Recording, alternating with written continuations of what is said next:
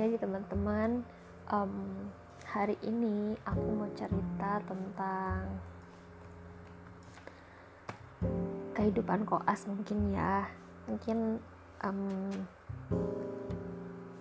ada beberapa teman yang menganggap atau bahkan residen sekalipun di masa akhirnya itu sangat-sangat adalah sedikit rasa penyesalan mengapa bisa-bisanya mengambil kedokteran.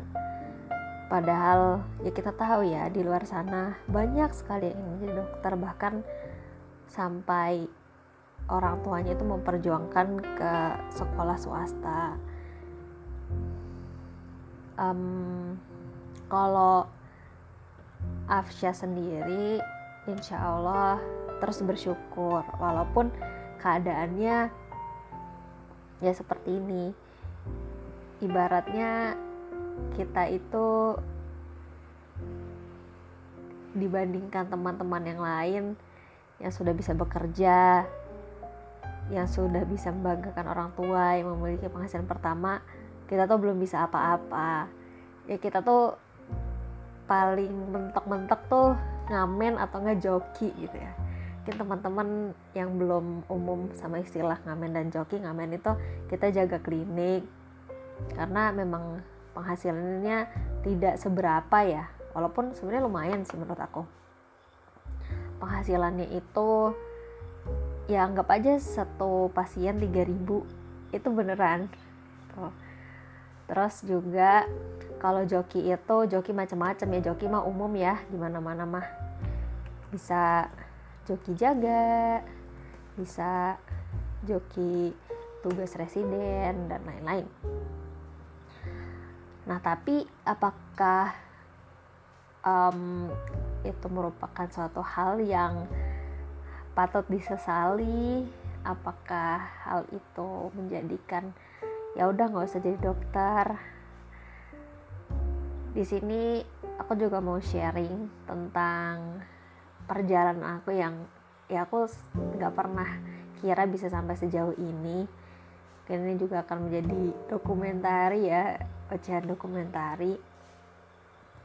Banyak pengalaman berharga banyak pengalaman luar biasa banyak pengalaman yang di luar dugaan bisa sampai ke titik ini. Orang mungkin menganggap bahwa dokter itu adalah sesuatu yang precious dokter itu suatu hal yang sulit untuk dicapai.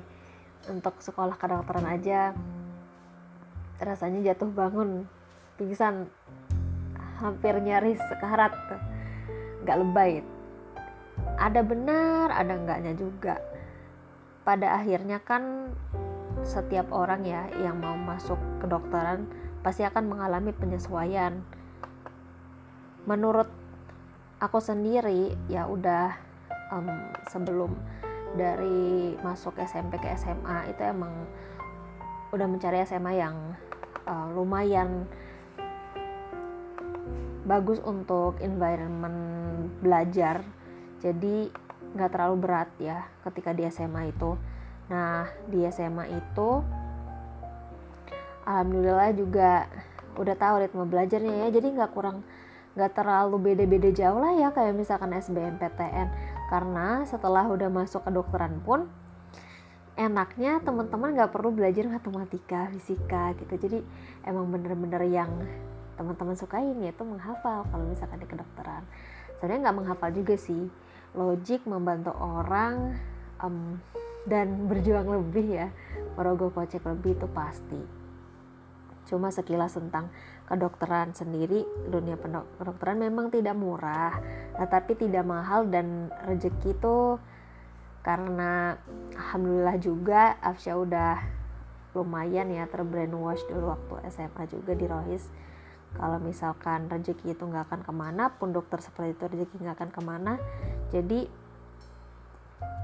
bisa alhamdulillah bisa sampai uh, selesai sarjana lalu masuk ke profesi sekarang. Nah, setelah masuk ke sarjana itu memang perjuangannya luar biasa ya apalagi di kuliah itu banyak distraksi jadi ketika kita kuliah aja sebagai mahasiswa kedokteran atau sebagai mahasiswa secara keseluruhan sangat sayang ya kalau kita tuh cuma sekolah aja. Cuma belajar aja itu sangat-sangat disayangkan. Dan ternyata setelah aku sarjana setelah wisuda setelah graduation aku sangat tidak menyesali apa yang aku perbuat dulu. Yang aktif gak hanya belajar aja aktif organisasi aktif lomba aktif di beasiswa sosial. Jadi ketika sampai ke profesi pendidikan profesi alhamdulillahnya gak terlalu bingung apalagi di masa pandemi. Karena jujur di pandemi ini ya di lain um, ujian juga dari Allah gitu. Juga banyak temen-temen Afsya sendiri yang kena mental illness karena tidak biasa akan gejolak seperti ini. Sedangkan sebagai uhti ya sebagai yang berhijrah gitu pernah merasakan nikmatnya iman pernah tercelup ya alhamdulillah sampai sekarang. Hal itu hal ini gitu ya menjadi sebenarnya apa pun yang Allah berikan di, disyukurin. In spite of neg- all the negative things ya. Jadi pembelajaran kita uh, kalau Asia sendiri kan di UNS ya di negeri. Alhamdulillah sebenarnya kalau mau ngomongin biaya gak terlalu besar sih sebesar um, teman-teman di swasta gitu dan alhamdulillah juga setelah melewati masa preklinik atau sarjana itu kan sebenarnya cuma tiga setengah tahun ya kalau di kedokteran sendiri. Karena kita akan lebih banyak di profesi. Dan tiga setengah tahun itu kan hitungannya lebih cepat ya daripada teman-teman yang lain ya. Padahal mah kalau kita mah umum aja gitu. Memang harus tiga setengah tahun supaya nggak bayar UKT lagi yang kalau aku sendiri dapat hampir puluhan puluhan ke atas lah gitu. Tapi tergantung balik lagi tergantung kebutuhan teman-teman. Tergantung gaji orang tua dan kebutuhan orang tua lalu dikonversikan menjadi UKT uang kuliah tunggal itu. Lalu setelah preklinik kita kan profesi tuh. Nah di profesi ini ternyata tidak terasa sudah setahun lamanya mengenyam pendidikan profesi yang masya Allah luar biasa alhamdulillah gitu ya. Walaupun jadi keset gitu ya. Kenapa sih jadi keset gitu? Karena kita sering kali tanda kutip disuruh-suruh. Disuruh-suruh ibarat seseorang yang dia tuh bukan siapa-siapa kita. Misalkan ya contoh aja ya. Ini nggak ada no offense sama sekali cuma mungkin biar teman-teman paham maksudnya apa sih keset itu. Kita ya disuruh misalkan ngambilin lab kita disuruh um, periksa pasien sebangsal. Ya sebenarnya itu wajar sih atau dorong bed. Itu wajar tanda kutip ya kalau kita niatnya untuk membantu gitu. Cuma kan kalau pada dasar kita pendidikan profesi kan harusnya kita memeriksa pasien seperti itu ya. Ya itulah tantangan uh, bagi bagi koas ya koas life tuh uniknya di situ gitu kita harus sabar Insya Allah deh pokoknya teman-teman luar biasa Nah, tapi untungnya di sini apa? Ketika kita pendidikan profesi, kita itu apalagi teman-teman yang ngantukan ya seperti saya gitu.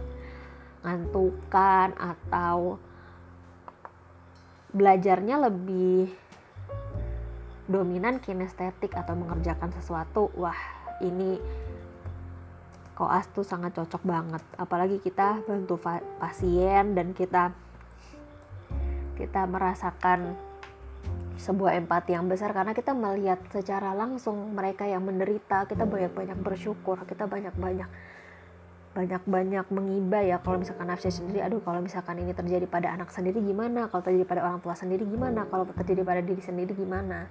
Jadi banyak-banyak bersyukur sekali banyak-banyak bermuhasabah diri.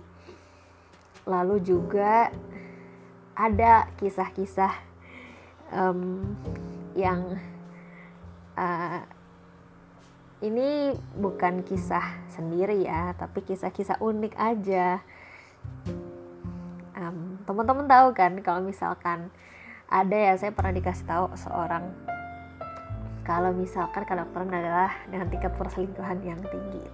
Nanti mungkin bakal cerita ke depannya bahwa ada um, ada hal tersebut, tersebut ada. Mungkin di setiap profesi ada ya. Pun senioritas seperti itu pun juga ada di setiap profesi. Mungkin di sini berbagai berbagai berbagi insight di dunia profesi kedokteran aja ya untuk menambah inspirasi semoga dan teman-teman yang mungkin masih belum menentukan profesinya dan masih mungkin untuk memilih kedokteran Afsya sangat memotivasi untuk memilih profesi ini. Kenapa? Pertama, ini profesi yang life patternnya udah pasti jadi dokter.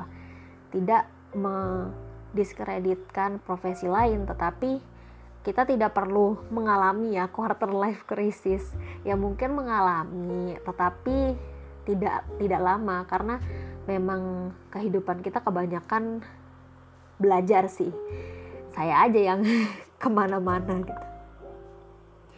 Lalu Kedua, kita itu berinteraksi banyak masyarakat dan profesi dokter di mana pun ya bahkan di luar negeri tetap memiliki istilahnya ya kedudukan yang lumayan precious di masyarakat. Jadi ketika kita ingin mengedukasi seseorang atau kita berkehidupan di masyarakat, komunikasi akan lebih mudah. Walaupun kadang kan ya kalau misalkan um, anak-anak kedokteran tuh komunikasinya kurang gitu. Ya karena mereka belajar terus. Jadi itu yang kedua. Lalu yang ketiga lagi um, ini memang subjektif sih kebanyakan. Karena ada yang bilang kurang ya um, uangnya cuannya gitu atau rezekinya segala macem. Nah, tapi memang sedikit tetapi akan banyak pada akhirnya gitu ya. Dengar-dengar sih ini juga masih belum masih belum valid banget. Kalau spesialis itu udah tiga digit dan pun dokter umum yang udah di daerah dan dia menjadi kepala IGD segala macam atau dia padat dia dua jaganya tuh bisa sampai puluhan kok. Jadi ya memang sih pas pendidikan agak pricey juga hampir ya ratusan adalah ya. Tapi nggak sampai 200 sih insya Allah kalau negeri. Atau sampai ya tergantung daerahnya lagi. Jadi um, di situ. Cuma mungkin profesi ini memang cocok bagi perempuan sih. Karena lebih santai maksudnya santai dalam artian kita tuh kan emang menghasilkan uangnya tuh agak lama ya kalau mau ngomongin uang jadi emang perlu punya sampingan lain. Maksudnya tidak bi can it cannot rely on the profession gitu. Kalau misalkan kita bisa sih kita jaga kita jaga gitu bener tapi ya itu um, istilahnya itu proyekan atau ada istilahnya cuma aku lupa. Nah tapi ya menurut aku sama aja sih. Semuanya juga pasti kayak gitu kan. Semuanya perlu awalan dulu untuk bisa sampai ke tahap udah mulai financial freedom itu. Hmm, nah untuk yang laki-laki pun sebenarnya cocok-cocok aja sih. Cocok untuk uh, di profesi ini. Jadi kalaupun ya kalian tuh masih belum bisa membagi fokus karena biasanya kan um, kebanyakan laki-laki tidak bisa multitasking itu tenang aja karena uh, pertama kalau misalkan kita mau berjuang beasiswa tuh banyak. Seperti LPDP itu yang pasti jaminan sih. Atau beasiswa orang tua cia. Nah tapi setelah menjadi dokter itu pun yaitu dokter umum pun udah bisa lah insya Allah puluhan gitu ya kalau misalkan benar-benar mau kerja keras tuh. Terus juga job-job di kedokteran tuh banyak karena mereka kan apalagi yang residen tuh kan mereka sangat padat jadwalnya pasti minta tolong dan kalau misalkan kita mau pasti dapat juga. Nah apalagi kalau misalkan kalian udah spesialis gitu ya wah itu udah tiga digit di kantong. Cuma ini bukan membahas hal yang terlalu materialistis. Cuma ya kan realistis hidup needs money. Oke okay. yang terakhir ini mungkin untuk semuanya sih. Jadi persepsi kita terhadap dunia kedokteran atau pendidikan kedokteran itu coba di agak diubah gitu. Lama tapi lamanya pun itu dua tahun pendidikan profesi tiga setengah tahun yang benar-benar kita belajar dua tahun itu tuh nggak kerasa. Dan setelah aku mensurvei banyak orang itu tuh mereka enjoy their life. Apalagi yang orang itu suka sosial. Rata-rata orang seperti itu sih. Pastilah belajar tuh lebih nyantol kalau misalnya kita ketemu pasien kalau kita diskusi sama orang. Walaupun ada beda-beda tipe ya ada yang juga introvert tapi pastilah ya sekian dari podcast hari ini. Semoga bisa diambil manfaatnya. Yang jelek tolong dibuang aja. Bye. See you on the next podcast